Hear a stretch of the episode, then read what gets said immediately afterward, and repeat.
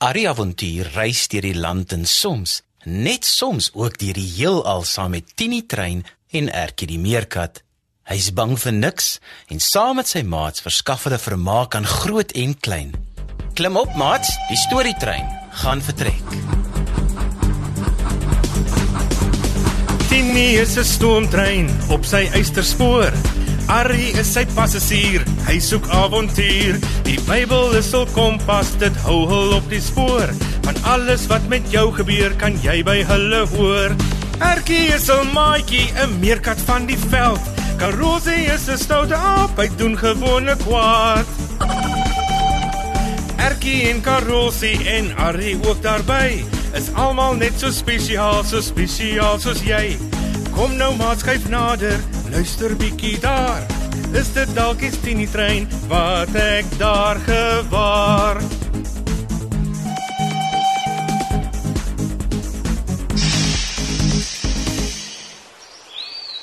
Ertjie!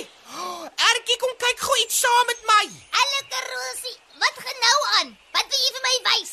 Ek kan nie nou eers heen gaan nie, ek is aan diens. Dis my beurt om wag te staan. Toe nou man, dis nie ver nie. Miskien hoef jy nie saam te kom nie. Miskien kan jy net daar op daardie hoërige rots staan en daardie skerp oogies van jou gebruik om te sien wat ek nou net gesien het. Daarheen.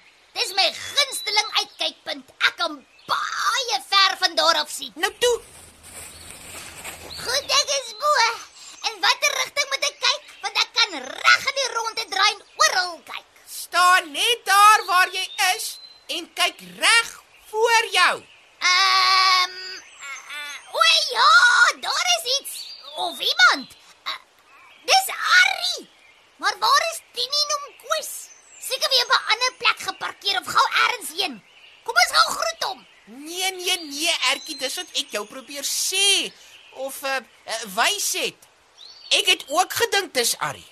Ek het tot agter sy rug gegaan om hom te probeer skrik maak soos hy ons altyd skrik maak as hy skielik net opdaag sonder tien hele by hom. En toe, gaan aan. Wel, ek het met hom begin praat. Eers het hy glad nie omgekyk nie, asof hy my nie hoor of verstaan nie. Toe gaan ek nader en praat nog harder. En toe Karosie en toe. Was daar iets in sy ore of wat was fout? Nee man, jy luister nie wat ek sê nie. Hm? Hy kon my nie verstaan nie. En toe kyk hy om, want toe ek harder praat, het hy bietjie geskrik. En toe sit hy Arrie nie. Maar hoekom lyk dit dan soos Harry? Hy dra dieselfde klere en dit lyk asof hy dieselfde soort grawe werk doen as Arrie. O, Wat ek ook eers raak gesien het nadat ek gesien het dat Arrie nie Arrie is nie, is dat daar 'n klomp ander mense ook by hom is en almal van hulle is besig om daardie grawe werk te doen. ah, wat het toe gebeur Karosie? Toe hardop ek na jou toe en ek is seker ek het hulle almal oorlag. Het Harry vir ons hierdie keer gesê hoe lank hy gaan weg wees? Nee, Dink jy hierdie Harry wat nie Harry is nie, het iets met Harry gedoen? ek weet nie. Jou antwoord help niks. Wat's dit? Wat? Ek hoor iets. Ah! Alarm! Alarm! Alarm! Hardloop julle lewens in die gat, in die gat. Alarm! Stop, Ertjie, wat doen jy? Kyk hoe laat jy jou familie sommer my pote onder my uithol. Waarvoor laat julle almal vlug? Wat sien jy? Ek sien niks. Jy het gesê jy hoor iets. Ek het gedink die Harry wat nie Harry is nie en al die ander mense wat nie Harry of hom Koos is nie, kom hierheen om ons te vang sodat hulle nog vir jou kan lag of om dalk iets ergers met ons te doen. Nee, Ertjie. Ek het vir Tini trein hoor aankom.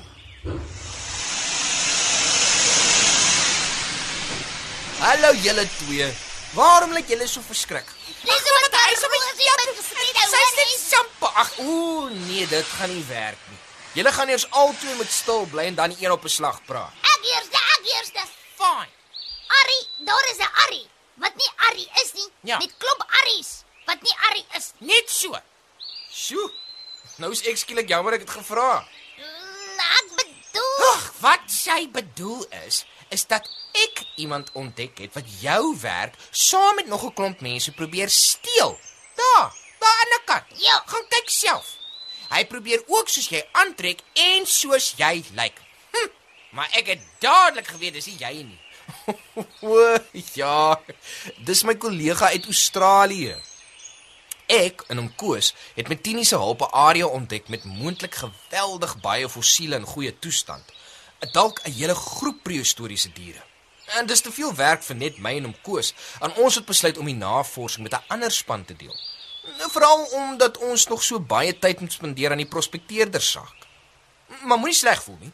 Dit herinner my sommer dat ek nog vir julle sou vertel het wat met Maria Magdalena gebeur het. So, die Arrie wat nie jy is nie, is nie hier om ons te vang of vir julle seer te maak of om jou werk te steel nie. Nee. Nou goed, dan kan jy aangaan met jou storie. Wel, dankie Ertjie. Julle onthou seker nog dat Jesus se graf leeg was en dat 'n engel van God die vroue vertel het dat Jesus opgestaan het uit die dood, né? Nee. Ja ja, Jesus leef. Ja. En hulle het twee van die disippels vertel en hulle was so bly mm -hmm. en hulle het huis toe gegaan mm -hmm. om nog disippels te vertel. En Net so. Maar Maria Magdalena kon haarself nie so ver kry om weg te gaan nie. Sy het weer begin huil en weer gebuk om in die graf te kyk. Hierdie keer het sy twee engele in wit klere daar gesien. Oh, het hulle met haar geraas omdat sy nog daar is? Nee, Ertjie. Hulle het haar gevra waarom sy huil. Sy het tog mos goeie nuus gekry. Hmm, sy het seker daarom nie vir die engele gesê dat sy gedink het die ander engele dalk gejok nie. Nari. Nee, Ertjie. Sy het geantwoord. Omdat hulle my Here weggeneem het en ek weet nie waar hulle hom neergelê het nie. Sjoe. Sy kon net sowel vir hulle gesê het sy dink dat God sy engel jok. Wat gaan aan met die vrou? Toe nou maar Karolsie. Dit kon nie maklik gewees het om te verstaan wat besig was om te gebeur nie. Julle twee verstaan nie altyd dadelik wat aangaan nie. Kyk nou maar wat het gebeur toe julle mense gesien het wat ook opgrawings doen soos ek. Ja, jammer Ari.